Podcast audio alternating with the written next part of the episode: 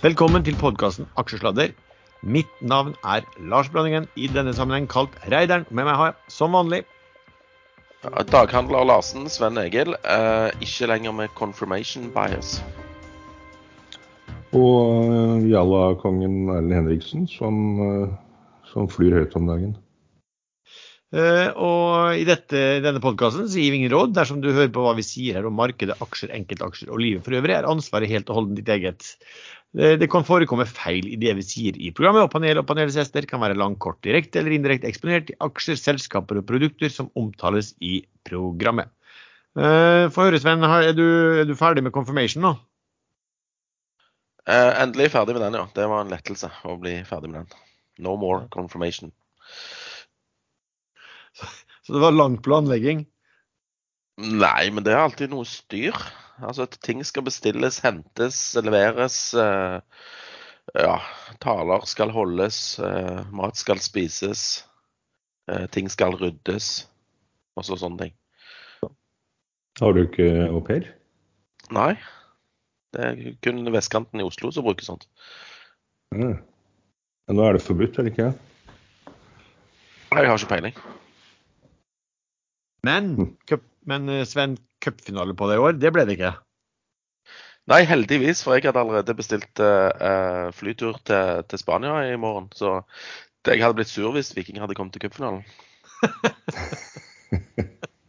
Men hvem vil gidde gå på den cupfinalen? Altså, har du hørt noe om den cupfinalen i det hele tatt? Den kommer til å forbigås i stillhet. Nei, altså, dette her er jo eh, Du, hør. Norges to soleklart beste lag de siste tre-fire-fem årene. Eh, men, men jeg skjønner jo at eh, hovedstadsaviser ikke er så veldig interessert. Og så er det litt spesielt da at den går i mai, selvfølgelig. 1. mai. Ja. Når uh, Lyn er med i cupfinalen, da skal jeg se på. Heia Lyn, heia Lyn. Ja, det blir store krigsrop. Ja, krigsrop i Lyn er ikke akkurat massive. Den er sittende klapping. Lett klapping. Men, men apropos eh, norsk fotball, da. Det virker ikke som uh, Bodø-Glimt er så sterke i år. De fikk jo bank av Viking i serien. Etter, Ja, de knakk det er etter altså- at de tapte for Roma. ja. Og de er blitt ufine òg. Ja, det må jeg Men han var jo flink da, når han først satt kne i ryggen på han motspilleren. Så passet han på å gni det rundt, sånn som gjør at det gjør veldig, veldig vondt. Men missa han cupfinalen? Jeg så han fikk to kamper. eh, Nei. Nei, heldigvis ikke. Han mista vel to seriekamper i stedet, så da får han spille cupfinale. Heldigvis ikke. Nei, men altså, det, det, ellers, hvis, hvis Molde skulle vinne, så det, hadde det bare blitt syting på at han ikke fikk spille. Og det er ikke så ofte det- man spiller cupfinale. Um, så det er jo gøy for han at han får, uh, får spille. men det er litt morsomt da, at vi har en Saltnes på XI som har hatt uh, skrytt veldig av at Saltnes nevnes i positive ordelag i lange tider nå.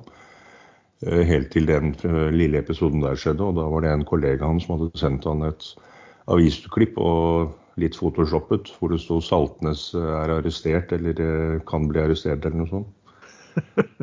Så det var plutselig var det ikke noe ålreit å hete Saltnes lenger for det. Nei, men Bodø-Glimt har jo blitt så bra at, uh, at jeg tror denne gangen så kanskje er det litt mer sympati for, med Molde for de som ikke kommer fra Molde, for å si det sånn. Men det blir i hvert fall en, i hvert fall en bra fest eh, på, på lørdag med de derre-konsert og ja, store greier. Så får vi håpe at det blir Og det blir litt deilig å være på cupfinale, da. Ikke stå og fryse seg halvt i hjel. Det er vel meldt til sånn 15-16-17 grader, så det kan jo bli litt, litt eh, At været er varmt, i hvert fall. Men det er jo så. Um, Sven, få høre. Hva har du gjort i den uken som har gått? Jeg nekter å uttale meg før dere tar denne disclaimeren. Vi har tatt den. Hæ? Ja, vi tok den eh, lynfort. Jeg snakka kjempefort rett etter at vi startet. Å ja, jeg, du pleier alltid å spørre Erlend om han kan si noe, så jeg bare venter ja, på deg. er, vi er alltid helt uansvarlige, så ikke gjør som dere tror vi mener at dere burde gjøre. Ja, nå har vi, nå, nå, ja, nå kan vi fortsette. Nå er det alt ved det gamle. ja, nå har vi hatt to av de, ja. Ja, nei, der ser du. Jeg følger, jeg følger jo ikke med. Nei.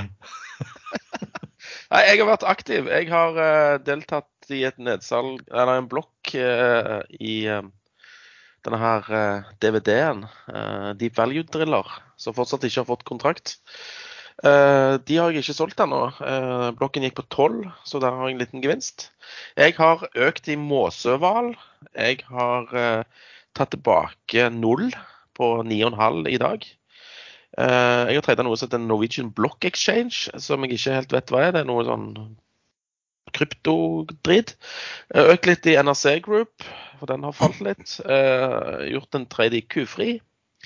Var med i Eller jeg kjøpte Sidril unotert dagen før han gikk på børs til 30,5, altså 284 kroner. Jeg sto opp litt seint i går og solgte de på 315. Det var dumt, for i dag var toucha jo 380. Nå er han på 358 eller noe sånt. Og så trada litt litt andre ting òg, så jeg har egentlig vært ganske aktiv. Jo, jeg har tatt en posisjon i Elopak. Og jeg tenker at nå begynner den å bli billig, PE under 10. Og melkekartonger er vel noe vi skal fortsette med en god stund. Astrocast har jeg bare latt ligge. Altså, jeg har ikke gjort noe med det. Var det nok? Det var nok. Vel, Er, er du veldig bra. fornøyd, fornøyd i dag? Ja, ja. Veldig er fornøyd. bra. Eh, Få høre du, Erlend. Jeg sovnet nesten av Svens oppdatering. Det var så mye, så jeg fikk ikke med meg noen ting av det. Jeg har faktisk begynt å trede litt igjen. Eh, Ikke fordi jeg har noe øh, mindre tro på at markedet er ruskete rusket og kan bli veldig ruskete, men det ble kjedelig å sitte og se på. Så jeg har justert øh, Zenit-posten en del. Ned. Det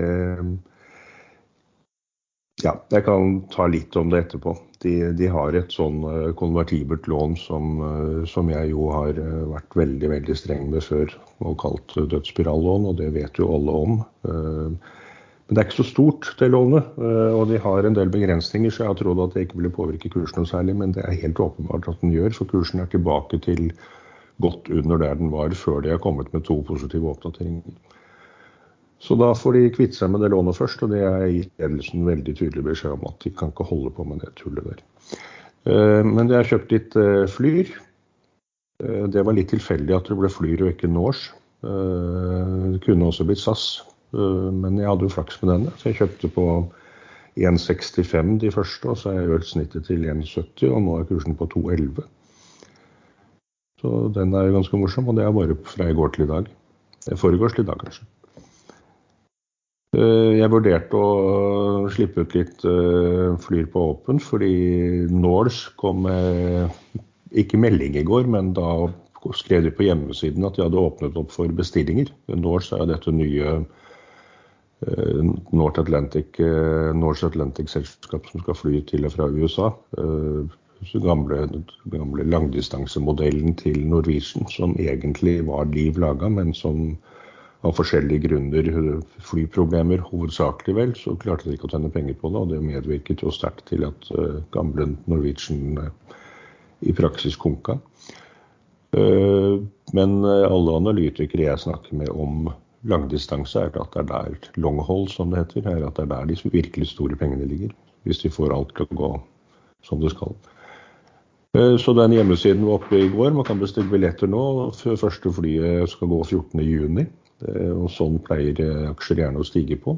Eh, Men jeg syns den steg eh, litt for mye da den åpnet, så jeg valgte å ikke bytte om litt. Og det var jo dumt, for den gikk jo fra 1540 da jeg så på den, til 1632 på toppen. Og nå ligger den på 1590.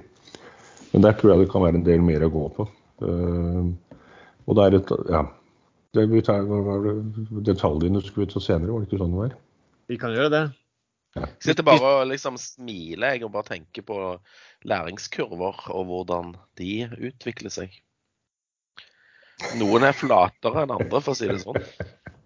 Eh, apropos læringskurver, da, så jeg var så sutrete som en liten unge, unge i denne uka her, altså. For det første så, så hadde jeg jo litt rekk. Eh, Den gikk jo ganske høyt opp, og så var på mange måter en eller annen litt sånn uoppmerksom da, og ikke satt noen sånn god stopplås. Så, så endte jo med at jeg solgte ganske langt ned. Jeg hadde jo en liten gevinst på det likevel, men den begynte jo å falle ned. Så til slutt bare hva faen, dette selger jeg.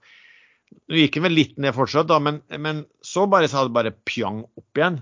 Eh, Det var jo én ting, men, men verre var altså jeg husker i Forrige episode så snakket vel om at man kunne gjøre en sånn fin trade på, på um, Aker Offshore Wind og Aker Clean eh, Hydrogen i forhold til bytteforholdet med, med Aker Horizon.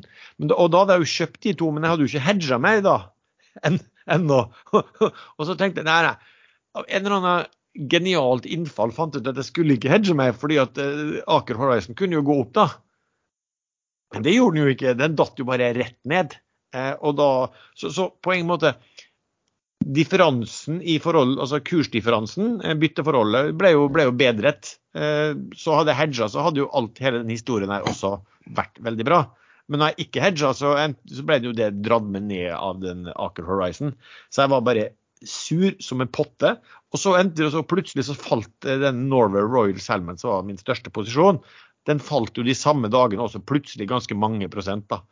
Så, så eh, endte med jeg solgte jo meg ut av REC og, og, og, um, som jeg nevnte, og også disse um, OV og Aker Clean Hydrogen eh, med tap. Men det er også litt sånn når du kommer til en situasjon, så er det bedre å bare bli kvitt den enn å sitte og sutre. For da kommer du deg videre, på en måte. Eh, og så snudde du litt, da, fordi at først så um, gikk den, denne uh, GCR Reaver Shipping, som jeg snakket om for noen episoder siden, den har jo gått da over 50% på en drøy uke. Eh, og den gikk jo i, opp i over 15 kroner. Eh, og da syns jeg rabatten til det som man kan tenke seg er underliggende verdier, begynte å bli liten. Eh, og lite likvid, så den, den solgte jeg helt ut, og den datt ganske mye etterpå. Og så har jeg trada noe som heter IFI, for der var det et stort, åpenbart et stort nedsalg som ble pumpa ut. Viste seg å være Torstein Tvenge på rundt 70 øre. Og den har jo steget fint også. Den ligger nå så på i dag, så han vant jo oppe over 90 øre. Eh, men er vel rundt sikkert ja, har ikke foran meg noe, men rundt 85 øre, tenker jeg. Og så snudde jo da Norway Royal eh, Salmon også. og Den er jo oppe nesten 5 i dag. Eh, så fra å være ekstremt sur, så ble det jo egentlig ganske bra. Men, men jeg sitter likevel med følelsen at denne uken har man gjort en del dumme ting som man ikke bør gjøre igjen. Jeg har en sånn engelsk læresetning til deg. Eh, fordi at den heter 'practice what you preach'. Ja. Eh, så hvis du bare hadde gjort det du sa du skulle gjøre, så hadde ja. du jo kjent greit eh, ja. med penger. Jepp. Men jeg vet ikke om det er bare meg, men er, er, det sånn for dere av og til også at man, man bruker å gjøre ting, og av og til så får du litt sånne smarte innfall om å gjøre andre, eller litt uoppmerksom, ikke følge ordentlig med, og så Ja, jeg er skyldig. Ja. Det, ikke sant? Det, det der er man, man, tror kanskje at, har, at, folk som har vært lenge i markedet, og jeg vet det, det gjelder andre også, at, at man liksom er, kan være veldig disiplinerte, men, men, man kan jo gjøre de, de dummeste tingene av og til. da. Bare for å nevne det, hvis man ikke driver med sånn hedging og sånt tull, så, så, skjer ikke sånne ting. Eh, nei, det var jo da som skjedde det, at jeg ikke gjorde hedger. Det var derfor jeg tapte. Hadde jeg hedga, så hadde jeg vunnet. Tjent på det som var planen. Så den læresetningen du, du skal få et poeng der. Sven, få høre, hva, har det vært noen emisjoner og noen nedsalg og litt sånt i løpet av uh, uken? Eh, nei, det har ikke vært emisjoner. I hvert fall ikke sånn contemplated uh, på ettermiddagstid. Og i dag er det fredag, så da blir det jo ingen denne uken. Men uh, vi har fått Sidril på, på børs igjen. For ja. det er vel tredje gang nå. Er det ikke det? Jo, eh, ja, den ble jo restrukturert forrige gang, så det må jo være det. Ja, ja. Det er tre ganger. Ja, alle gode ting er, er, tre, da. Men uh, den har jo dratt på noe i, i skikkelig. Og, og Sparebank1 Markets uh, gikk ut med et kursmål på 350 dagen før uh, notering, altså i forgår.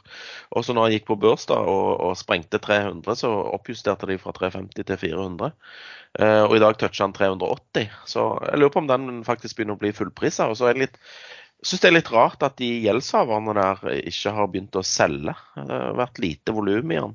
Men jeg lurer på om, uh, om de aksjene, de amerikanske, ikke kan selges før de faktisk er konvertert uh, til, til, norske, altså til Oslo Børs-aksjer. Så jeg vet ikke om det er der det ligger, at, at volumet er så lavt. Men det ble vel meldt et stort, et stort, nedsalg i dag. Men var det det nedsalget du var med på, eller? I Seadrill? Det kan godt være. For den var vel eh, Skal vi se Det var jo disse herre um, GIEK ja. Som, meldte et nedsalg i dag. Um, den skal se Nei, det, det, kan ikke være det du var med på, for det var De hadde jo solgt De har sine- 330. Ja, og de hadde solgt da eh, 17, komma- altså 17, over 17% av hele selskapet. Ja.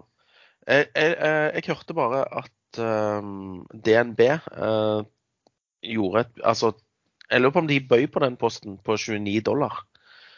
Eh, som da hadde vært eh, skal vi se 15 Rundt 270 kroner. Og fikk eh, nei på det. Ja. For han, han treida jo i gårdmarkedet på 29 en, en liten stund. Ja. Og så når DNB fikk nei, så spratt han over 30.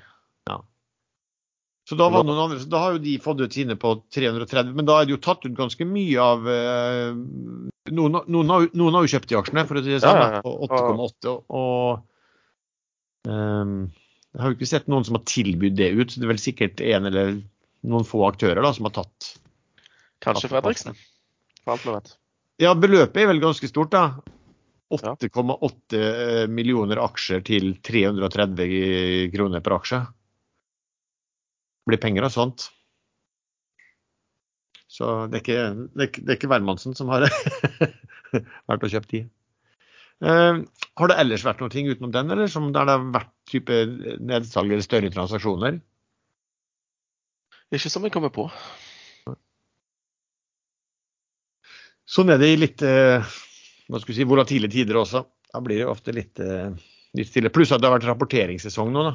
Ja. Nei, markedet har jo vært sånn skikkelig rollercoaster. Spesielt på disse amerikanske tech-aksjene. Disse Fang og Maga-greiene dere holder på å snakke om. Ene med gode tall, andre med dårlige tall. Og eh, ja, aksjekursene spriker jo som eh, Ja, jeg vet ikke hva vi skal si. Men eh, de spriker veldig mye. Ja, og de får jo en veldig smell av de som ikke leverer så gode tall som man hadde håpet på. Ja, Microsoft og Facebook, altså Meta, gjør det bra. Og Amazon og til dels Apple gjør det litt dårlig. Og eh, denne her Netflix snakka vi jo om sist, den gjorde det jo skikkelig dårlig. Ja. Men eh, Amazon de kom vel i går kveld, både de og Apple. Eh, og Amazon var vel noe dårligere enn forventa, eller en del dårligere enn forventa. Og den var ned, var vanlig i ettermarkedet? Rundt 11 10-11% Ja, det er mye for et så enormt stort selskap, altså. Ja, ja. Men Apple leverte jo tall som vel var klart bedre enn venta. De leverer alltid bedre. uh, fordi at de drar alltid ned litt sånn Altså, de guider konservativt og slår alltid. Men uh, de, de meldte vel om noen problemer med supply chain, altså leveringsproblemer av komponenter. Ja. Som førte til at uh, aksjen var ned 2,5 eh, etter børs.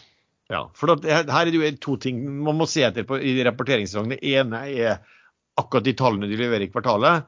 Eh, men så er det jo også kjempeviktig hva de ulike aktørene sier om altså Outlook eller guider da, om eh, kommende kvartaler og framtiden. Og det følger folk veldig med på. Ja, Det er jo den som er viktig. Det er jo ikke hva de har levert. altså, Det er jo historie. Men eh, så, så dere også, eh, altså det er mye rart som skjer for tiden. for det, Hvis du så på amerikansk bruttonasjonalprodukt eh, for første kvartal, eh, 22, det ble jo offentliggjort i går. Eh, var det i går, eller var det på onsdag? Jeg tror det var i går. Ja, mulig. Eh, dårlig korttidshukommelse.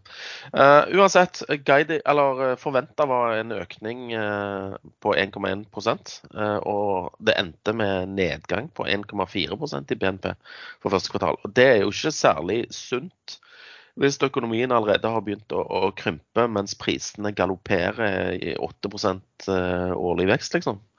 Ja. Da har vi det som heter stagflasjon, og det har jeg hørt det er ikke så bra å få. Ja, altså, men, men jeg kan si at kanskje ett kvartal er lite. og Jeg så noen kommentarer som sa at ett kvartal er litt lite å si ting på, fordi at eh, du har vel en sånn reduksjon. altså Du kan vel ha høyt BNP det ene året, altså med en slags BNP er jo slags produksjon, og så, og så var det sånn at man, man eh, leverte fra lager da, i en del, en del reduserte lagrene en del i første kvartal. eh, og da kan det se litt dårligere ut. Og så, og så har de vel en at eh, en, en, en slags eh, faktor hvor de trekker vekk hva skal du si, hvor mye av dette her som er altså, av, import, som tyder på at amerikanerne hva skal du si, kjøpte inn mer da, varer fra utlandet enn enn, hva de ellers ville gjort. Så, så noen sier vel at at forbruket blant konsumentene, som jo ofte, ofte er en store del, den, den, holdt seg ganske bra oppe, selv om den var litt lavere enn forventet også. Så, så det er vel ikke noe, det er, det er vel ennå ikke noe tro på at, at, neste kvartal blir minus. Men blir neste kvartal minus, er ikke det definisjonen av resesjoner? To kvartaler med fallende BNP? Jo. Så eh, det, det tror vi, jeg tror heller ikke det skjer. altså, Men du så denne PCE-deflatoren, altså den priskomponenten, den steg mer enn venta i, i de eh, BNP-tallene. Men hva gjør man da? Altså, la meg si det sånn. Eh, hvis eh, USA da skulle La oss ta, ta det tilfellet at de faktisk skulle komme med en liten minus, selv om det er litt trolig i neste kvartal, og formelt sett være i resesjon. Hva vil en sentralbank måtte gjøre da, hvis, hvis aktiviteten faller mens prisstigningen er knallhøy? Nei, det, det er nettopp det. Det er sånn kattepineopplegg det, igjen. Hva gjør, hva gjør vi da? jeg har ikke peiling. Men det kan ikke akkurat øke rentene, for det, det, forsterker jo den økonomiske nedgangen. altså, Sette opp rentene er jo for å kjøle ned økonomien. Og hvis den allerede er nedkjølt, så virker det jo mot sin hensikt. Ja, det er jo det, men det, du setter jo opp renten for å også få, få bukt med, med inflasjonen. da, ikke sant? Renta er jo, skal jo være, i hvert fall så lenge ikke er veldig styrt. Jo, jo, men det er jo for å kjøle ned aktiviteten. Ja. Prisene galopperer jo for det er hektisk aktivitet, men hvis det ikke er det, da, at ja. det kun er supply chain issues, eh, da sliter vi. I hvert fall hvis de vedvarer. Og sånn som Kina holder på med å bare stenge ned hele tiden, så blir jo ikke dette ordna på et kvarter. Nei, for det er jo også litt problematisk. ikke sant? Du, du får også, Hvor mye av inflasjonen er da pga. supply-problemer, ikke sant? og hvor mye er pga. Altså, det er generell høy etterspørsel? Uh, og, og, jo, Vi har jo snakka om hva kineserne holder på med, som er som er veldig spesielt, på en måte. Eh, hvordan, de, hvordan, de, stenger ned. Eh, og det er klart at Hvis du får enda større leveranseproblemer da, på, på det, og du har jo alt dette fra Ukraina også, så eh, nå, nå, vet ikke om, vet ikke om dere fikk med dere det var litt interessant, da, for det var jo om, om makroøkonomene som hadde blitt spurt av det var rundt 50 stykker som hadde blitt spurt av av Bloomberg eh, for ett års tiden. Eh, og da ble de spurt om hvor trodde man inflasjonen altså ett år fram i tid ville være, og det ble de spurt om da i Q1 2021 for ett år siden. da. Og da var medianen 2,2% Høyeste var på 3,1% og laveste var 1,6% Og fasiten var altså på 8 Ehm, og Tilsvarende var det for eurosonen også. Der var det jo over 6 da, mens makroøkonomene der var medianen det de trodde på, var ja, 1,2 så, så det er jo ikke så veldig mye du får ut av hva disse makroekspertene må, måtte mene om, eh, om inflasjon. Da. Så Sven, hvordan skal man forholde seg til alt det her? Nei, jeg vet ikke. Jeg ble litt skremt over eh, de BNP-tallene. Så nei, jeg har ikke noe fasit.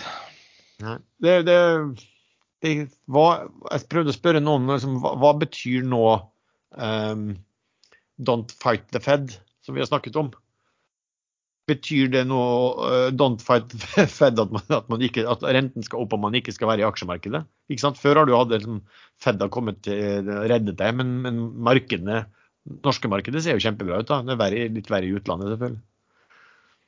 Erlend, er han med oss fortsatt? Ja, jeg beklager. Jeg måtte faktisk gjøre en liten investering her. I, i førgråmarkedet. det er en investering som skal redde verdens energibehov.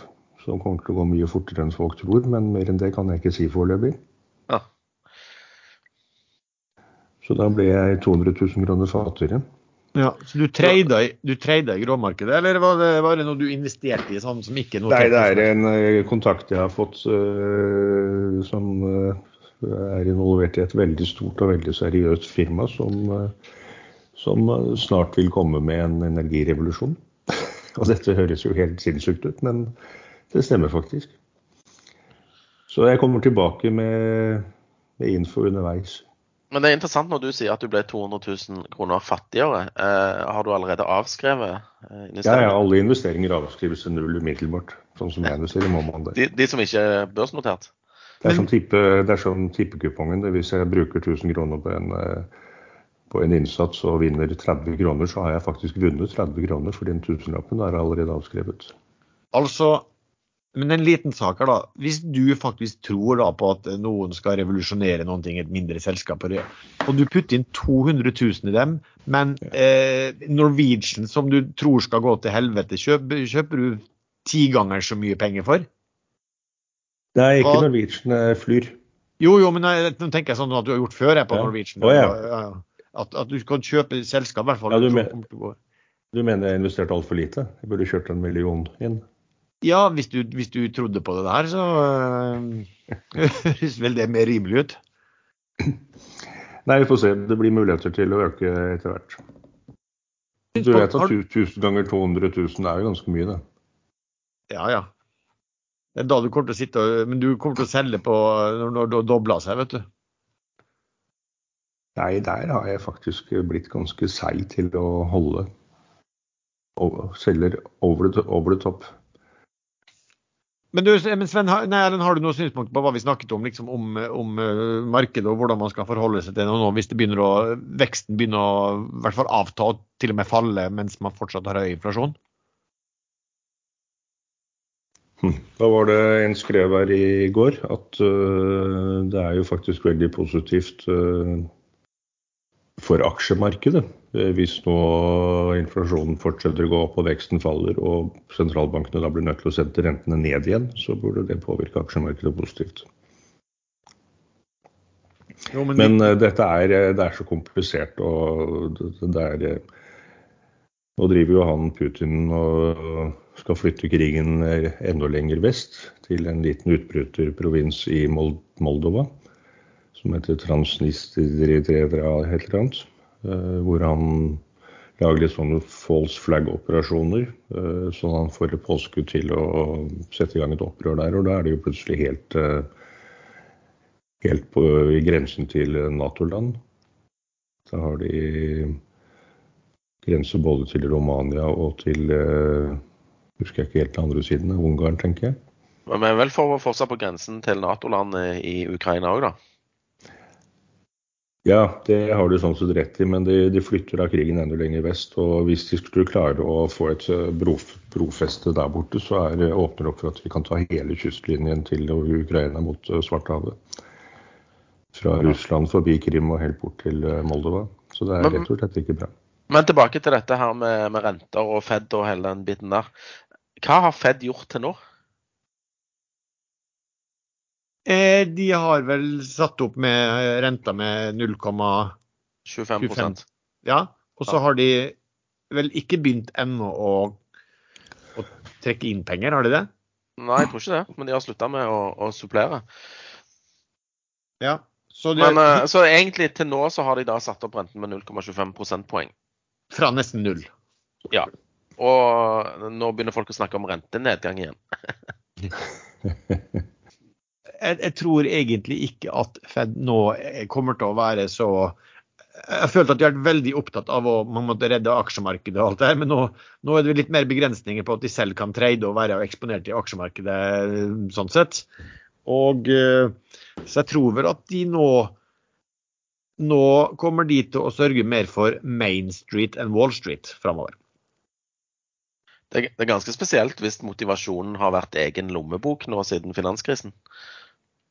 Ja, det er kanskje litt drøyt å si det, da, men, men, at de har vært veldig opptatt av at aksjemarkedet skulle eh, være bra. Det, altså, de, har, de, prøvde jo en gang med en sånn å, å trekke inn eh, quantitative tightening en gang om det var i 2018 eller 2019, og så falt markedet. Eh, og så bare bråsnudde de med en gang, for at dette turte de ikke lenger. Nei, stemmer det. Eh, og det er jo, ja, og så er det jo veldig jeg synes, altså, så spesielt hva de har holdt på nå, nå i flere år. At, vi, jeg tror det er ett år siden sikkert vi snakket om at det var rart at de holdt på og, trykka penger og kjøpte boliglånsinstrumenter for å presse ned renta og sånn også, når, når, det begynte å se så, såpass bra ut. Men altså. Amerika gjennomsnittlig amerikanske boliglån er faktisk nå over 5% Ja, jeg så du skrev det. Altså, det er en sånn, en sånn 30-årsbolig Stemmer det. 5,3 var det det? Eller 5,4? Ja. Men, er det, er det en type, men er det en sånn type vanlig rente som, som de vil ha der borte på, på lånene, eller? Altså, det, det er det som er noen, uh, gjennomsnittlig rente ja, for boliglån med 30 års varighet. Var det noen som fikk med seg et intervju med eh, en kar, flink kar som har vært gjest her i Aksjesladder før, for en uh, sikkert ja, år, halvannet år siden? Eh, Peter Hermanrud, hva han eh, nå sa om markedet. Så du det, Sven? Han venter på megasmellen 30-50 eh, og så har han hele 20% i kontanter. Det beit jeg meg merke i. Uh, han var, han var helt klart negativ, uh, til, men han, han klarte ikke å tidfeste helt når dette skulle skje. Det var vel ett til to år. Innen ett til to år så skal det smelle litt. Og jeg er jo ikke uenig, for å si det sånn.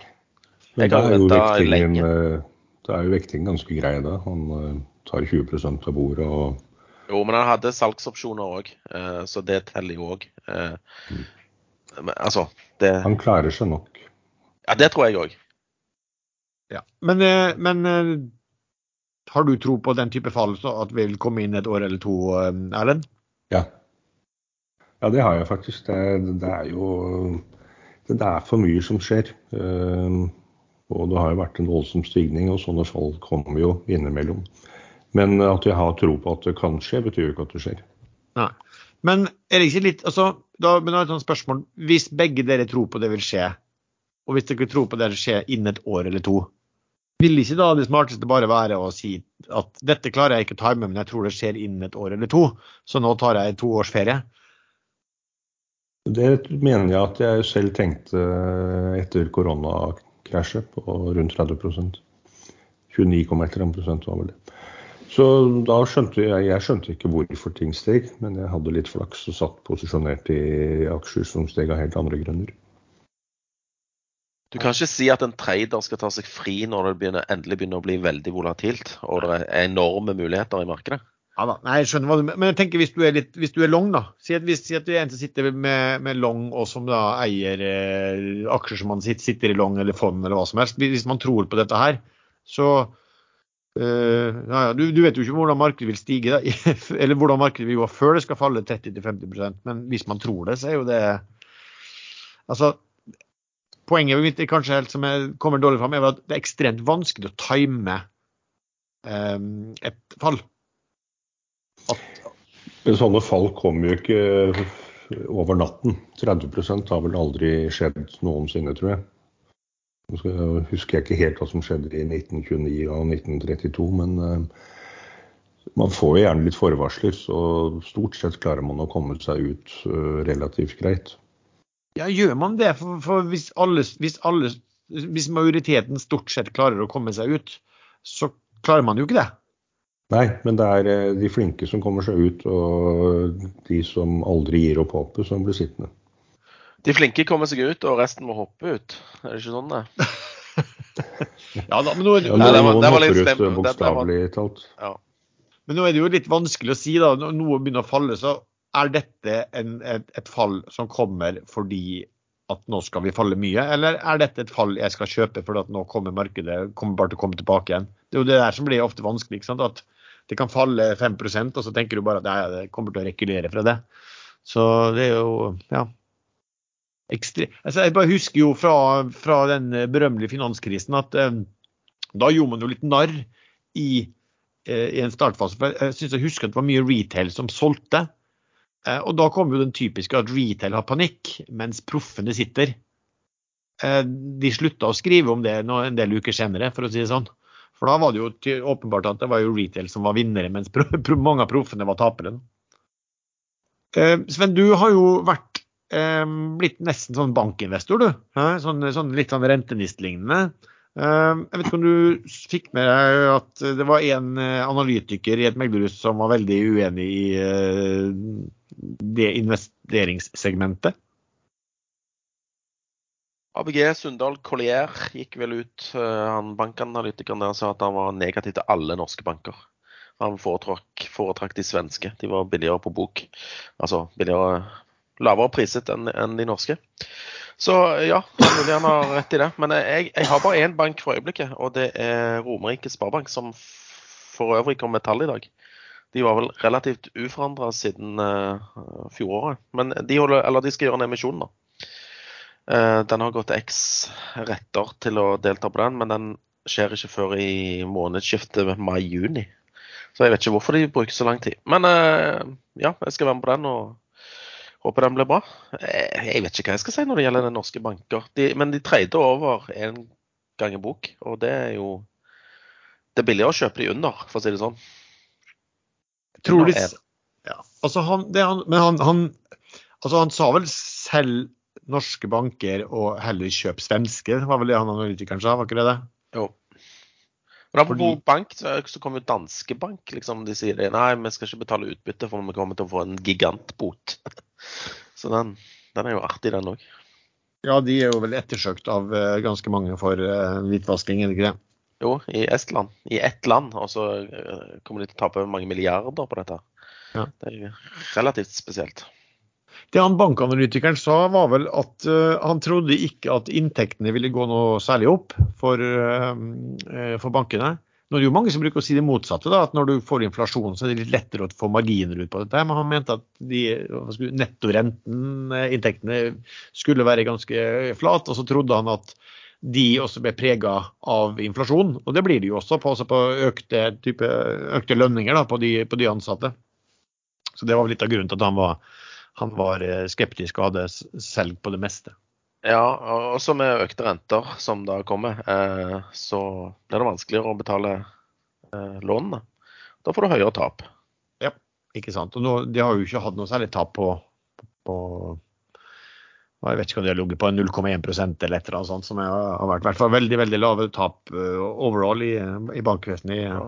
Men jeg lurer på om dette vil føre til enda mer vekst for disse omstartsbankene.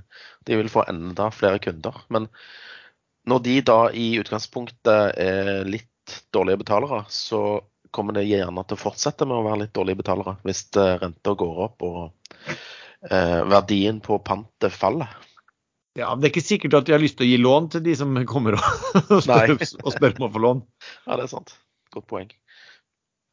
Du, Et spørsmål som vi har fått, er jo da mm, om eh, dollaren, som styrker seg. Den jeg så bare at den har steget sånn ca. 6% i forhold til norske kroner på én uke, som gjør ganske mye. Vi har implikasjoner for det for børsnoterte, eller altså selskap notert på Oslo Børs? Eh, de fremstår jo billigere for amerikanerne, i hvert fall. I og med at de er notert i norske kroner. Eh, men eh, altså, dollaren styrker seg vel pga. to ting. Mer usikkerhet i verden og litt lavere oljepris, selv om den har henta seg litt i de siste dagene. Så er jo dollaren ned 1,2% i dag, da. Men, og òg utsiktene til høyere renter i USA. Fordi når rentene settes opp, så pleier jo faktisk valutaene i landet å styrke seg. Så, men jeg har ikke tenkt så veldig mye mer på det enn at det er urolige markeder. Og dollaren har styrka seg eh, til eh, all time eh, high versus eh, euroen. Så ja. vi er jo på, på den, denne siden av Atlanteren, så vi har vel vært med i dragsuget, tipper jeg. Ja, og er det, ikke, er det ikke sånn også at at den styrker seg veldig. altså Yen har blitt veldig svak, og, og, og også den, den kinesiske valutaen også. Så det er ganske, wow. ganske store utslag, i hvert fall ja, ja, i, i valutamarkedet. Ja, og det pleier jo å signalisere et eller annet. Ja. Rimbini, er det ikke det heter? Ja, du har yuan, og så har du denne ren, renbinien, eller hva det heter for noe. Som er den innenlandske valutaen. Ja. Men på, på Oslo Børs da, så Altså det, det som, en ting er jo generelt, da, men det er jo en del selskap som, som har kanskje asseten sine i stor grad i, i dollar, eller at de har uh, Ja, alle, eh, alle, alle rederier og sånn. Uh, alle riggselskap. Sånne ting. De, altså, uh, assetene der, eller eiendelene ble jo kvotert i amerikanske dollars. Ja, og det samme, samme på lån, da, men, men nettoet ja, ja. altså, vil jo Nav, jeg så, jeg så vel, det var vel i dag at var det Pareto som hadde økt kursmålet i disse Gram Car Carriers. Eh, og det gjorde de fordi at eh, pga. valuta. Så, så, de og det er vel en del også som får betaling da, i, i dollar også. Det kan jo fort være noe eh, altså, det, det, å ha inntekter i dollar og kostnader i norske kroner er jo da eh, isolert sett bra. Det er jo en del oljeselskap som har det.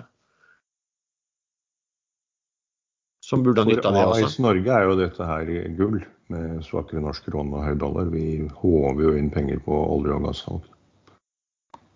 Så, men det er kanskje derfor du ser det er mye av shipping som er sterkt, og det har vært sterkt lenge. og Det er vel en at de nybyggingsprisene går opp pga.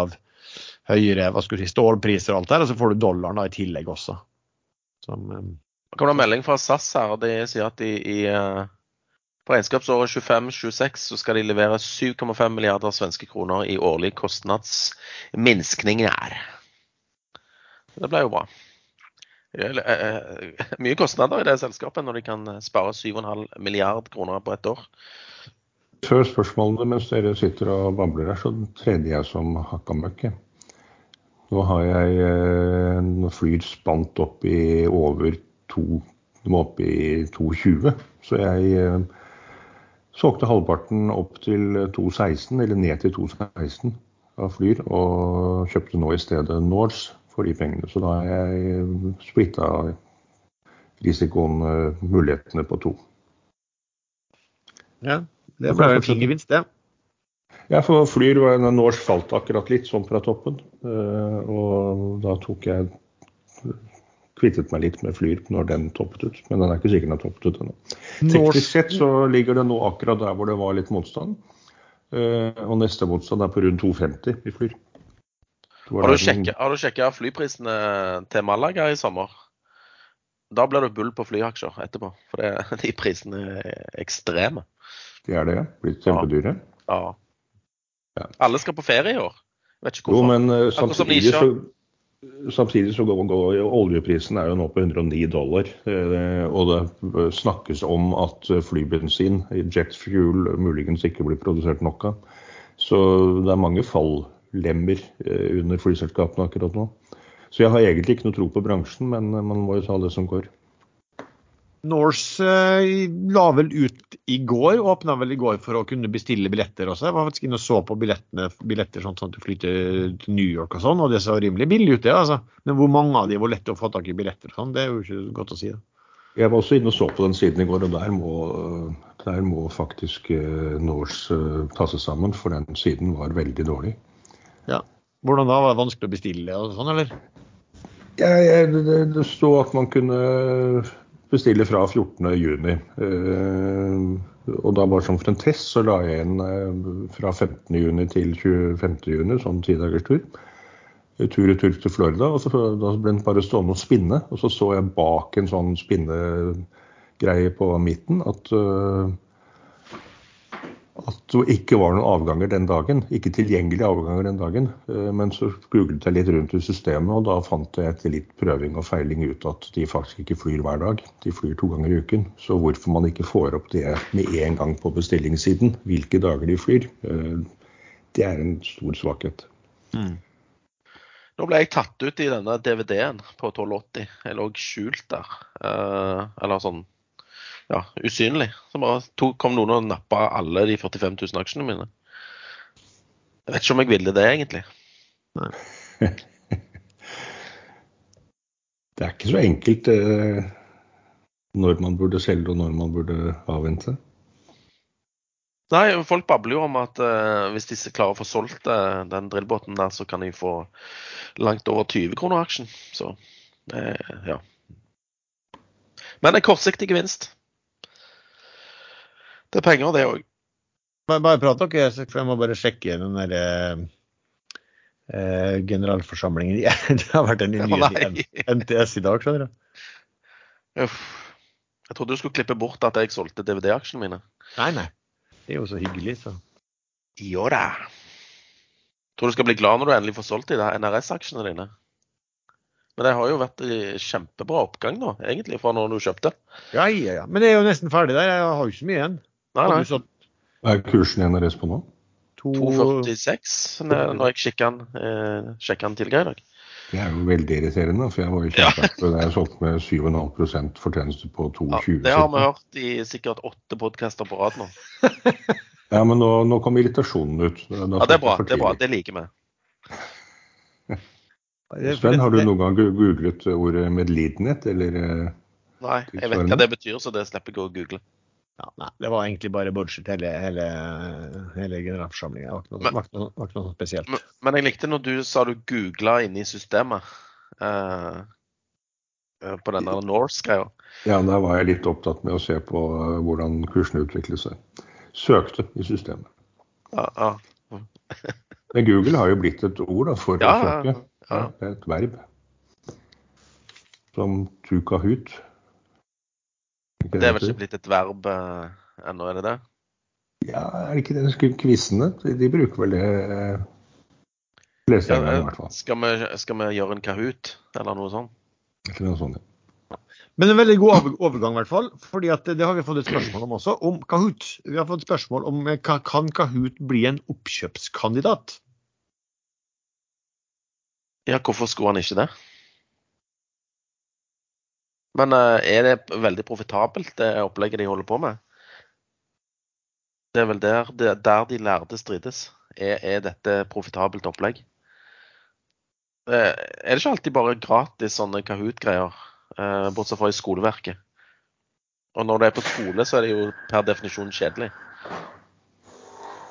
Men nå Faen, er det kaffetrakteren som skrur seg av. Jeg har vært flink veldig lenge. I dag har jeg til og med stengt døren, så dere slipper dette. Jeg savna det fuglekvitteret. Ja, ja. Nei, jeg kan for lite om Kahoot. Jeg vet bare at Softbank eh, sitter der og sikkert eh, er irritert på kursutviklingen sammen med sjefen i selskapet, som òg har putta en del midler inn i, inn i dette selskapet. Ja. Men Softbank er vel også kanskje problematisk på andre måter. At de sliter litt med andre investeringer, og plutselig må de velge å selge ut ting.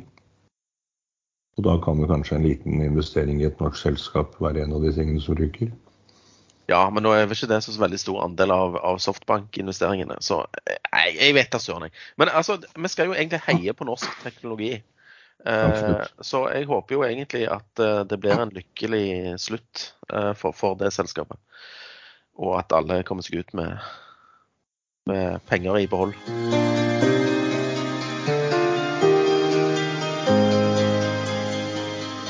Dette er en melding fra vår hovedsponsor Skilling, som er en skandinavisk eid CFD-megler. Skilling tilbyr kurtasjefri og lynrask handel i norske og globale aksjer, indekser og ETF-er, også bitcoin-ETF, olje og gass og masse andre råvarer, valuta og mer enn 50 forskjellige kryptovaluta. Skilling har en rekke forskjellige handelsplattformer og trading-apper. Skilling-trader, metatrader og C-trader Snart vil du også kunne handle med TradingView sin plattform via Skilling. Du åpner konto med bank-ID, og du kan da handle på alle plattformene fra samme konto. Alt kan handles med eller uten giring, long eller short, til meget lave kostnader. Råvarer som er veldig aktuelle for tiden, kan stort sett alle trades hos Skilling. Olje gass, gull og sølv, til og med uranium kan du nå kjøpe og selge hos Skilling. Med bare en halv dollar i spredd på bitcoin er Skilling sannsynligvis også den desidert billigste kryptomegleren på markedet. Videre kan du trade i stadig flere norske og globale aksjer og indekser. Som sagt, kurtasjefri handel i nærmest alt av finansielle instrumenter til veldig konkurransedyktige priser. Skilling av kundeservice på norsk og industriens laveste kostnader på kryptohandel. Sjekk ut skilling.no om du ikke allerede har gjort det, og åpne Skilling-konto med bank-ID. Risikoadvarsel. 66 av ikke-profesjonelle kunder taper. Fullstendig advarsel finnes på skilling.no, og kryptotrading er ikke tillatt for britiske kunder. Og Lenken til skilling finner du i beskrivelsen til denne episoden.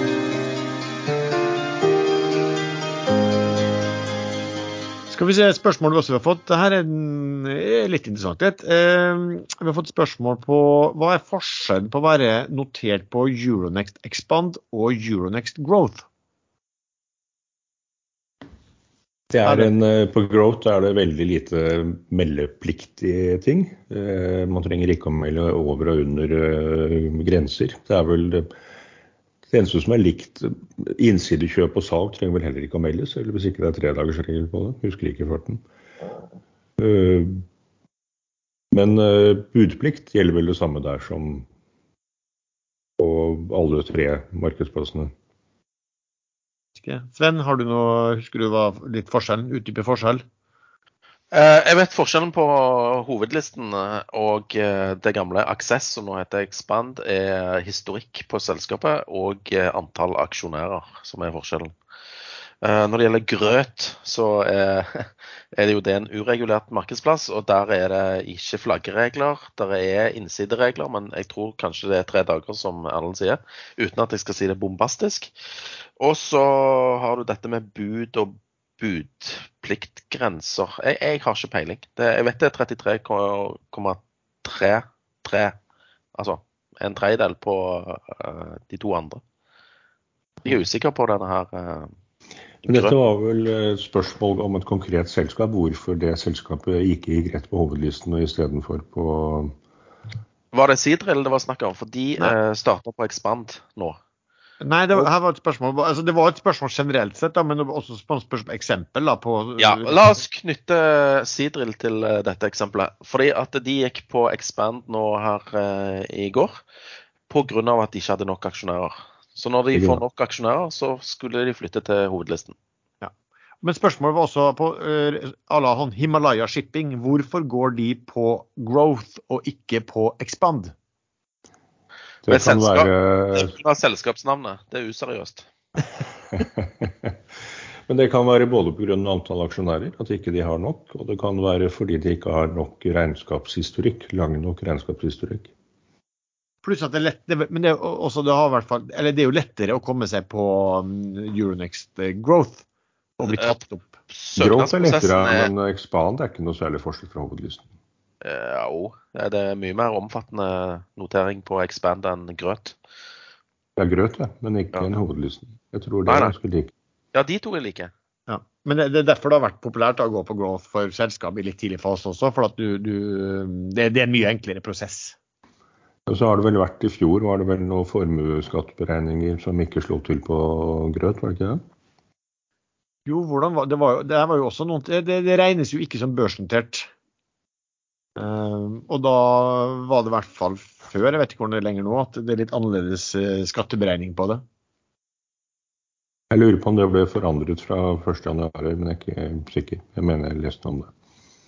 Det var i hvert fall noen ting. Ehm, jeg ser forresten eh, et, eh, Jeg ble bedt om å kreditere en som kaller seg for Lommerusk, som foreslår at om ikke Lars kan prate om makro, vi er ferdig med det, Sven kan oppsummere tap, og om Erlend kan ha en monolog om Idex. Har du lyst til å ha en monolog om Idex, eh, Erlend?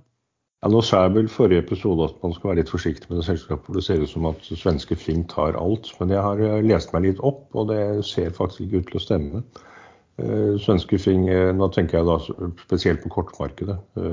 Smartcards Eh, svenske Fing har jo både mobiler og hele markedet, masse andre ting. De sveiper bredt, men Fing, Idex har, eh, og, og, norske Swipe de har bare kortmarkedet, i hvert fall hovedsakelig. Men da også inkludert adgangskort og litt sånne forskjellige ting. Eh, men da altså type chip man putter inn i et lite kredittkortstørrelse-greie. Svenske Fing tok veldig tidlig to store franske banker, Credit Agricole og hva heter den andre store? Um, Bank Paribas? Ja. De laget kontrakter med Fing, men det ser ut som at det faktisk ikke var noen sånn veldig store volumkontrakter med litt sånn forsøksgreier. Eh, så da er det egentlig ingen av eh, de store aktørene i markedet som Det, det er noe snakk om rundt halvannen milliard kort i året eller hva det er for noe, som, eh, som utstedes. Så det er foreløpig ingen som har virkelig startet masseutsendelse til kundene sine. Og både Fing og Idex, og da til dels sammen med Swipe, Idex og Swipe sammen, de har kommet med nye løsninger, forbedrede versjoner. Eh, så det markedet er faktisk ganske åpent ennå. Så da, men Idex har jo ramla godt, men det har faktisk svenske Fing opp. Den var på nesten 40 svenske kroner, og nå er den på, på en fjerdedel ca. Ja, 11,47, så den har ramla med godt over to tredjedeler. Så man skal ikke avskrive Idex. Man burde ha historikken i bakhodet. Men ting kan jo skje. Undre kan skje. Sven, har du et spørsmål også? Har du, har du tenkt på å starte hageblogg? Du er så flink, til, liksom flink på dette med gressklipperen din og hagen din at uh, man er imponert her. Nei, jeg har ikke tenkt på det. Upassende spørsmål, syns jeg. har du fått mange containere på besøk i det siste, Sven? Nei, det begynner å hope seg opp med papp og sånn isopor i garasjen. Så, men jeg tror vi klarer å holde ut til neste år. Et spørsmål som kom til meg her, er hvorfor solgte du deg egentlig ut av Noreco? Takk skal du faen meg ha til spørsmåls, spørsmålsstilleren. Eh, nei, altså det var vel Gevinsten var fin. Oljen hadde gått eh, mye, men den har jo fortsatt eh, oppover en del. Da. Sånn sett så, så det var vel egentlig noe sånt der man burde bare sittet og, og, og, holdt på den videre. Jeg så at uh, Arctic uh, heva kursmålet til 500 her på mandag, var det vel. Så det gjorde det at det siste pushet her kom. Så ser jeg òg at uh, Rustad-familien uh, får godt betalt for å være ansatt i selskapet, ifølge dagens Finansavis. Ja, nå er det vel bare én av Nå jobber jo ikke han søndag lenger, tror jeg, i selskapet. Det var, det var bare sommervikar? Ja, eller han jobba vel en periode der, da, sånn sett. Ja. Men nå skal du si at, altså, at, mye om dette her, da, kan si, sikkert, si, folk vil sikkert si mye om, om han Riulf Rustad, men at han har gjort en god jobb med å rydde opp i det selskapet der som ikke så ut å bli noe til, til hva det er i dag, det er det vel eh, liten tvil om. Nei, veldig bra, egentlig. Selv om han har fått mye kritikk. Ja, han har fått mye kritikk og mye penger ut av det. Så det, den kritikken tror jeg han sikkert tar da med godt humør. Det han klarte å få til den gangen med å lage ringmurer rundt datterselskap og skille ut og ta bort risiko og finne nye løsninger, det, det var det ikke Den gamle ledelsen ville ikke fått til, i hvert fall. Så det selskapet hadde jo vært null og niks i dag uten han. Ja, for at du kjenner litt til det. og du, du, måtte vel være i en sånn situasjon også hvor du, hvor du fikk en viss tiltro fra, um, fra kreditorene til å lage løsninger da, som, var, som, var, som, var, gode for alle. Eh, og så også få tiltro til fra aktører at du kunne faktisk bruke dette kjempestore framførbare underskuddet eh, på en god måte. For det er jo det som egentlig ble, ble um, substansen i selskapet da, etter at de tapte den forsikringssaken. Eh, jeg husker når de tapte det, men husker du at den kursen her falt jo ned på 40-50 kroner etter at de tapte det. for da, da, antok folk at det var ingenting i selskapet. Men, men det den framførbare underskuddet var jo så voldsomt at, at det fikk de eller får de ut, fikk de utnytte ved å kjøpe seg produserende andeler i, Sverige, i Danmark. Lars, du husker hvem som da tok imot da den falt så mye? Alle andre solgte i panikk. Så var det en en smarting som satt der nede og tok imot. Og forklarte hvorfor etterpå. Det var han eh, andre i panelet, han Sven. Leste opp på eh. Ja, ja. Sven kjøpte jo på eh, Det var derfor jeg sa man husker det. det man bruker ikke å huske gevinstene sine, han har så mange av de.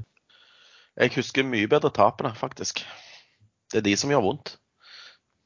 Jo, men ja, det, de, de er jo sånn. Men de, hvis du kan lære av, de, så, lære av det, så gjør de gjør ikke det så mye, vel. Nei. Nei, Noreco ble bra, den. Uh, for all del. Men uh, de var, han var flink, han Rustad, som klarte å finne folk med penger. Sånn at han kunne kjøpe noe og benytte seg av, av underskuddet. Jo, men det er jo ikke hvem som helst som får til. ikke sant? Da må du ha få en bra, bra Du må ha kontakter. Hva er market cap på det selskapet nå? Details var det vi bruker. 8,7 milliarder kroner. 10,7? 8,7. 8,7. Men det, da har det gått egentlig fra, fra null til 8,7 milliarder. Han har satt ut sammen sønnen sin rundt 100 mill. i lønn. Det syns jeg faktisk er fortjent. Ja. Ikke uenig. Sven, eh, Aiego kjenner jo du til. Eh, kom et spørsmål her på, fra en. Han spør eh, hvordan skal selskapet nå få henta inn mer kapital med spredt aksjonærbase og ingen tyngre aktører? Det ene spørsmålet. Det andre spørsmålet er om, om dagens kurs reflekterer verdiene. Du kan jo litt om det selskapet. Hva Jeg kan litt om Aega. Eh, Naven er vel rundt to, eller kanskje litt over. Eh, han handler nå på 1,2. Eh, de har kjøpt noen solparker eh, til i Italia. Og jeg er usikker på om de trenger mer penger til, til å betale for de, eller om de har nok. Det vet jeg ikke. Men eh, hvordan skal de hente penger? Det blir vel en emisjon, da. Og da Spørsmålsstiller sier at de ikke har noen tyngre aksjonær. Det er veldig fragmentert aksjonærmasse. Men det går jo an å få inn andre eh, aksjonærer som kanskje er litt tyngre. Jeg vet ikke helt hva de pønsker på eh, nå. Nei. Men er det uttrykt plan om at de skal bli enda større? Ja, de skal opp til 10 megawatt i uh, italiensk uh, solparker. Nå er de på, Med det siste kjøpet er de over syv. Så jeg tipper det kommer et kjøp til. Ja. For at de må bli store nok. Altså, for En ting er jo Nav, da, men den Naven vil jo bli spist så lenge du har en administrasjon stemmer. som blir, Altså, som blir stor. nå går de inn ca. i null. Med 10 eh, megawatt så går de greit i pluss. Ja. Så jeg tror ikke de stopper på 10, altså, men det er et uttalt mål å komme seg opp på 10, for da tjener de greit med penger og kan begynne å, å faktisk dele ut litt. Mm. For du må, du, må, du, må, du må ha nok asset å, i forhold til eh, en administrasjon som er helt nødvendig for et Ja, børsnotert selskap. altså, tanken bak dette selskapet var jo at eh, jeg tror det heter Aega Yield eh, til å begynne med. For det at det skal være en sånn yield case som gir eh, bedre avkastning enn å ha pengene i banken. Altså et kraftverk som bare tjener greit med penger og deler ut disse pengene til aksjonærene. Så de, de, de må komme seg opp over kritisk masse. Ja. Og Aega, når de kom på børs, hvordan kom de seg på børs? Ja, den historien gidder vi ikke ta en gang til. Men, eh, vi hadde vel kanskje en eh, finger med i det spillet òg. Det det, det er vel fair å si det. Nå gikk eh, Flyr faktisk til 2,30 her, og nå har det da circuit break, CB. Eh, Så der solgte jeg 14 øre for tidlig. Den matches på 2,29. Der solgte du alt? Jeg synes du sa du solgte Nei, jeg solgte halvparten. halvparten. halvparten. Nå kan Og du selge nå- halvparten igjen, da. Ja, Så har du fortsatt Hvis du selger halvparten eh, nå av det du har igjen, så har du fortsatt en halvpart igjen. Ja, man har alltid en halvpart igjen hvis man selger Ja, ja. halvparten. Ja. Stemmer det? Du, Eh, men de det var aldri tomt. De gjorde det vel bra, det TV 2 eh, Eller de, de, de solgte altfor tidlig, men var det ikke sånn, de gjorde en retta emisjon ganske nylig mot TV 2 Invest på, på 80 øre eller noe, eller? Det var aksjer mot reklame, var det ikke det? Ja. Og TV 2 solgte jo den ganske fort også, og gjorde sikkert 30-40-50 da, men eh, de, hadde de holdt den til i dag, da, så hadde de gjort 200% på meget kort tid. Men sånn vet man jo ikke. Men TV2 er sikkert fornøyd med 2% i, så. Eh, har jeg fått et spørsmål bare om Saga Pure update det. Det er jo ikke så mye å si på den type investeringsselskap. Nå, nå mm, har ikke jeg regna på det, men jeg spurte en på ekstrainvestor, og han sa det vel at Naven der nå eh, bør være sånn ca. tre kroner per aksje. Og den, prises, ja, den handles nå den prises nå på 2,88, da, så en eh, ja, 4 under Nav eller noe sånt, som, som, som jo er eh, det er jo det er alltid vanlig at det er en, en rabatt, større eller mindre rabatt på type investeringsselskap. Og, og det er jo litt mer stille akkurat nå for tiden også rundt disse ESG-aksjene også. Uh, har vi noen posisjoner nå, Sven, ta deg først. Noen posisjoner som du tør sitte i long? Eh, ja, det har jeg. NRC Group uh, har jeg, uh, og, til og med økt litt i. Et annet er dette Måsøval, eh, som er lakseselskap uten kontraktseksponering. De er kun i spotmarkedet. Og med laksepriser på 120-130 kroner kiloen, så, så håver de inn, for å si det mildt. Så det er to aksjer jeg er komfortabel med å sitte i, sammen med Romerike Sparebank. Du, Erlend? Nei, I utgangspunktet burde det være relativt safe å sitte i eh, oljeaksjer akkurat nå. Oljeservice eh, med oljepris på 109. og Jeg blir veldig overrasket hvis ikke den går til 150 i løpet av noen måneder. Men eh, det skal jo ikke mer til enn et hendig uhell borti Moskva til før krigen er slutt og ting roer seg ned. Og så var det ikke så smart for det. For min del posisjoner jeg tør sitte long i. Jeg bruker å definere long. Det betyr egentlig bare at du ikke får det du vil ha i dag. Um, så så jeg vil jo, man måtte si at jeg vil ikke definere noe som, som, som, som long. Jo, sånn det er long-long det når du ikke får med en gang. Ja, ja. Det er long, long, inntil du ikke er long. Nei, altså. eh, Så jeg vet ikke helt hva jeg skal si. Jeg har ikke noen sånn spesielle formeninger om det. og Jeg tenker noe særlig på det, egentlig, om hva jeg tør sitte long i. Tør, da hadde jeg vel fort, tørt, sikkert fort øh, tørt å sitte long i DNB og litt sånn større, Du, trygge du tør jo å sitte i NRS, da. Ja, ja, men, mener du? men long, da tenker jeg liksom at du Altså, nå er det usikkert hvis jeg skulle hatt noen ting jeg skal sitte i flere år i, liksom. Er det long? Flere år? Ja. Nei, jeg tenkte sånn 12, nei, 6 til 12 måneder maks. Eh, ja, men typ, typ NRS er jo litt sånn dårlig eksempel, siden at det, der er det jo egentlig bare en, en spesiell situasjon som gjør at jeg eier det. Jeg hadde jo kanskje heller eid noe andre, annet lakseselskap hvis jeg bare Du, skulle du, du, du sitter jo per definisjon long action. Fordi at Nei, du, du, du har jo kjøpt den og sitter og venter på eh, at noen skal komme med et bud. eh, Du er jo long NRS. Nei, ikke så mye nå lenger. For husk på at det budet da begynner jo å bli altså En ting er at du har en sannsynlighet på det budet, og så har du jo eh, og så har du jo altså hvor, hvor mye kursen skal gå, altså hvor høyt opp det budet.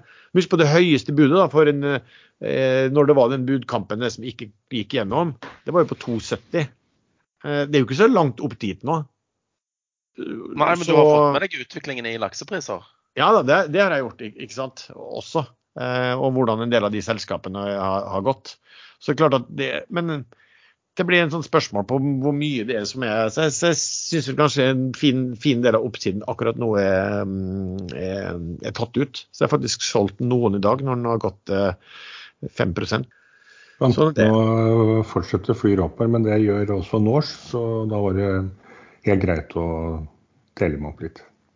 Eh, Jeg kan for øvrig da nevne når vi snakker om Royal Salmon, at den berømmelige, alt det eller berømmelige med NTS og SalMar og alt det her, er jo sånn at budet fra SalMar eh, det løper jo ut faktisk i dag. Så da får man vite hvor mange som har akseptert eh, budet fra SalMar. Og så må jo de da etterpå eh, tar det vel litt tid for at de får alle tillatelser på plass, og at alle forbehold eh, løftes. Og, og sånn som jeg forstår det da, er jo at etterpå det så må, øh, så må SalMar uansett øh, legge inn et kontantbud på, øh, på NTS. Eh, fordi at det Altså hvis, hvis de faktisk ender opp med å kjøpe det de får, det de får tilslaget på nå. Så, så der vil det jo skje mye. Men det, blir, det er jo mer Det er sånn- vel kun hvis de kommer over 90% at de må eh, by cash, forresten, er det ikke det?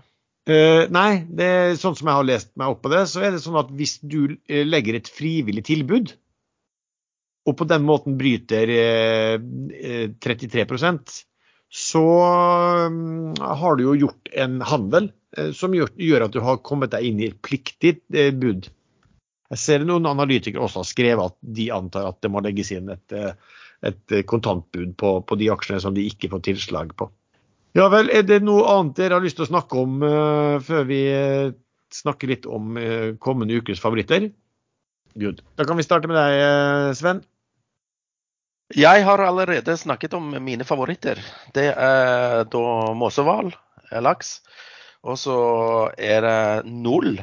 Jeg ble litt bull på, på rigg igjen etter den formidable oppgangen til Sidril når den returnerte på børsen. Så jeg ble litt sånn Oljeprisen er bra opp, riggraten er på vei opp, eh, annenhåndsverdiene på rigger er på vei opp. Det ser lyst ut for oljeservice, og spesielt rigg, så jeg eh, tok tilbake den der eh, nullen én krone lavere enn jeg solgte den på. Så eh, skal vel egentlig være fornøyd med det. Måsøval pga. Eh, laksepris på 120 pluss. Jeg skulle egentlig snakke om DVD òg, men nå har jo den, den er, Noen har tatt, tatt de fra meg. Den har gått over, over 13 nå. Ja. Ran. Jeg ble rana på høylys dag. Du føler annullert sluttseddelen. Uff, ja ja. Erlend, hva har du for noe moro? Uh, ja, jeg, jeg, sitter jo akkurat nå og koser meg over uh, flyoppgangen. Da. Jeg har jo tjent like mye som jeg investerte i dette uh, gråmarkedet i dag. det var en dårlig skjult selvskryt. Oh, ja. jeg trodde dårlig. jeg skjulte den veldig godt. Ja, med den lille uskyldige latteren på slutten Da. uskyldig og uskyldig. det er veldig morsomt. Det, det, er veldig morsomt når man knis. treffer på vurderingene sine. Eh, det er faktisk morsommere å treffe på at man har tenkt riktig, enn det er egentlig pengene. For penger går ut og inn. Det hender man taper òg. Men at man har tenkt riktig og så slår det til eh, såpass kjapt, det, det er konge. Godfølelse. Eh, som sagt, drivstoffprisene, oljeprisene, flybensinprisene, den kommer til å gå sky high. Det kan bli leveringsproblemer. Så ikke sikkert at dette holder så lenge, men som Sven sa, de har satt opp prisen sommer. Men det var akkurat en på Ekstramester som skrev at han kjøpte billetter Trondheim til Spania 599 kroner. Det er jo ikke nok. Da skrev ikke når han reiser. Men SAS har store problemer. Eh, de har eh, sagt opp altfor mange piloter, eh, bakkemannskap, etter koronakrisen og ikke ansatt fort nok. SAS-pilotene er sinna fordi de pilotene SAS nå har ansatt, de er via ny, nyopprettet datterselskap og helt andre lønnsbetingelser. Så de føler at de blir skviset ut. Og jeg leste i en ukes gammel artikkel at SAS har sagt til pilotene sine at det skal kuttes kostnader alle steder, for de taper jo eh, ekstreme milliardbeløp eh, hvert kvartal. Sånn typ 6-7-8-9 milliarder kroner hvert kvartal. Så pilotene må bidra med 800 millioner kroner. Eh, og det er vel bare 500 av dem ca. av de gamle pilotene i SAS. Og så har de da fått en masse nye billigpiloter. Men er, jeg må bare En liten digresjon. For noen år siden så var det en som sa at å være pilot på et fly, det er egentlig ikke noe annet enn å være en bussjåfør. Og det er vel med alle hjelpemidlene de har nå, så er det vel ganske korrekt. Nå får jeg sikkert masse sinna piloter på nakken. Eh, men de har ubekvemme arbeidstider, de har mye reising, de bor på hoteller. Og det er ikke akkurat et liv eh, jeg ville hatt for lenge. Uh, man har kone og barn, og du kjenner vel litt til det, Sven, med flyvertinnekone. Så sånn skal være godt betalt. Ubekvemhet skal belønnes godt. Men det kan jo da bli streik i SAS, og visstnok så starter det med at pilotene, eller den gruppen som vil streike, må sende ut et varsel, og 14 dager etterpå så starter streiken. De har ikke lov å starte før. Så hvis det kommer nå, så tror jeg både Flyr og Norwegian og Norse kan få mye større opptur enn de har nå. Og så får man da vurdere underveis eh, hvor lenge man tør å sitte i noe som risikerer store problemer eh, pga. oljeprisen. Men noe annet, Erlend? Det var jo som jeg nevnte at kanskje man skal ta et lite øye på Idex. Den har falt ned til 1,40. Emisjonen var vel på 2,80, men jeg husker det er ikke så veldig lenge siden. Så Samme med Ensu, disse mikrobatteriene. Det, de er veldig forsinket. Eh, de har lovt altfor mye. Eh, og kursen har jo rast ganske godt. Emisjonen ble satt på tilsvarende 540, 060, men de hadde en eh, spleis 9 til 1. Og nå ligger kursen på på, på, på 3,31. Så det er ganske langt opp til emisjonskursen. Og det er i seg selv et problem, for den emisjonen ble koblet sammen med to warrancer. En som kan innløses innen utgangen av juni, og en i høst. Og der er jo innløsningskursen på 5,40. Eh, og når kursen ligger på 3,30, og hvis ikke de klarer å få kursen opp innen utgangen av juni, så er det jo ingen som vil innløse vårens, Og da begynner de plutselig å få et uh, kapitalproblem. De har uh, per i dag regnet noen ut penger ut kvartal tre i år. Og Poenget med ordensene var jo at de skulle fylle på kassen så de slipper å kjøre en emisjon til før de begynner å tjene penger. Så det er alltid veldig høy risiko i sånne selskap, særlig når ting tar tid. Og nå kan de ikke skylde så mye på korona lenger. De kan vel kanskje skylde litt på at kunder kan ha problemer med halvledere, men der mener jeg at CEO har sagt at det det er ikke noe problem for dem. Så man biter seg ofte fort i halen ved å love ting som man ikke klarer å holde. Det har jeg merket selv i, i mitt eget diamantselskap, at uh, ting går ikke alltid på skinner. En ting som jeg merket meg i uken, og som jeg ikke kjøpte på, er det er et selskap som heter Green. Eh, altså gamle Seaber Exploration, som heter nå Green Energy Group. De mm, har jo, var ikke så lenge siden de har faktisk hatt en sending via ekstrainvestor hvor de fortalte at uh, snakket om store muligheter og, og store verdioppside i seismikkbiten sin og båtene sine. Uh, og nå, nå, kom de da i uken og meldte faktisk i går tidlig. Så sendte de ut en melding der de skrev at de annonserer oppdatering på en, en etterfølgende altså reparasjonsemisjon og prospektus i forhold til det, og en trading update. Helt nederst i det lange dokumentet der så sto det noe som var veldig interessant. For det sto at de refererte da også til en strategisk eh, review som de hadde gjort, og kunne annonsere at de hadde signert en, en intensjonsavtale med, der en, en, en part motpart hadde fått avtale, eh, eksklusivitet til å gjøre due diligence for å kjøpe 100% av seismikkbiten eh, til en enterprise value på 53 millioner dollar. Så man jo, Da er det jo interessant å regne på. Også, det første som slo meg på den, der var liksom at OK, det, det, jeg vet ikke om jeg helt tror på dette her. Det er jevnt, jevnt nedi i en, eh, en, en, en børsmelding der det står egentlig alt annet her. Men så slo det jo med at hvis, altså hvis selskapet var veldig interessert i å, at markedet skulle liksom ta dette skikkelig ad notam, så hadde de jo sendt en egen melding på det. Eh, det så nesten ut for meg som det ble sendt en melding der de eh, var forplikta, siden de var forpliktet til å melde dette her, så kunne de gjemme det i noe annet. Og da er det jo ofte sånn at en kjøper da, som ikke har så veldig lyst til at dette her skal komme ut som en børsmelding, tror fort at, at dette er en, eh, sagt, en, kjøper som ikke har lyst til at det skal komme ut, men at de var tvunget eh, pga. børsen og jurister sier at dette må, må, meldes nå. Og Det er jo sånn på en, en intensjonsavtale at eh, har sittet i styret i børsnoterte selskap sjøl hvor det har vært intensjonsavtaler som ikke har blitt meldt, fordi at man har trodd at det var så liten sjanse egentlig for at den ville bli av. Men dette her er i hvert fall over den grensen her, da. Spørsmålet er om det skjer, det vet man ikke. Men hvis det der skulle skje, så gjorde jeg den utredningen som sa at sånn som jeg tipper da, ut ifra de tallene, så vil det selskapet da ligge med eh, da, da, vil de, altså, da, vil selskapet bestå av ca. 6 kroner i cash, og pluss at de har aksjer i dette som heter Green eh, Minerals børsnoterte, som da er verdt på børsen ca. to kroner. Da. så, så til sammen åtte kroner i Nav. Eh, og når du da kan kjøpe den på under fire kroner, så syns jeg den risk rewarden ser ganske bra ut. Det er avhengig av om den dealen blir av. Men får de, solgt, får de gjort den, eh, den, avtalen der, så, så, bør det være meget solid oppside i det, i det selskapet der.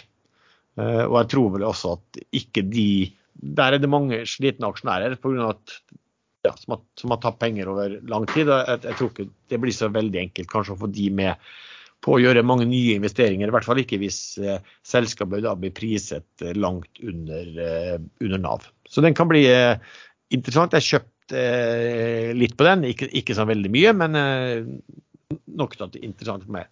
Det jeg også kjøpte faktisk i går og i dag, er en gammel, drittkjedelig kjenning som jeg bruker å kalle børsens eh, bastard, det er Treasure.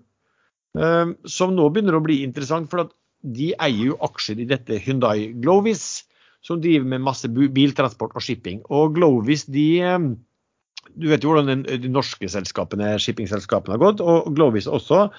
Uh, rørt på seg en del oppover, men ikke like kraftig. Det er jo en veldig stor aktør, men de leverte tall i går som uh, tilsynelatende var veldig gode.